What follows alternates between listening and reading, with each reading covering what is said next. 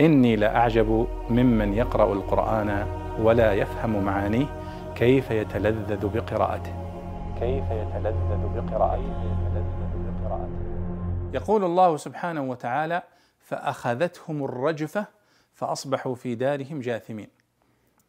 فأخذتهم الرجفة فأصبحوا في دارهم جاثمين. ما معنى جاثمين؟ فمعناها أن الله يقول أن هؤلاء المكذبين وهم قوم صالح عليه الصلاة والسلام قوم ثمود أخذتهم الرجفة وهي الصيحة. والصيحة هي الصوت الشديد. فأصبحوا في دارهم يعني فأصبح الصباح وهم في دارهم جاثمين. والجاثم مأخوذة من جثوم الطائر يعني كأنه مجتمع اليدين وجاثم على وجهه.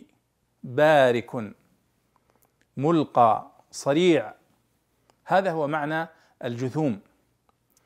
ومنه آه، يقال لكل آه، يعني يقال للجمل بركة ويقال لغيره جثم كما قال زهير بن أبي سلمى في المعلقة بها العين والآرام ينهضن خلفة وأطلاؤها ينهضن من كل مجثم.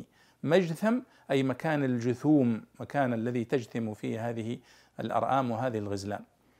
فأصبحوا في دارهم جاثمين أي جاثمين على وجوههم وعلى آه، مجمع وعلى ركبهم. يقال جثم على ركبتيه إذا استلقى على ركبتيه واجتمعت وجمع جسمه.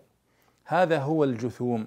فالله سبحانه وتعالى يقول أنهم صرعى جاثمين على وجوههم آه، من شدة الصيحة التي أصابتهم والعياذ بالله.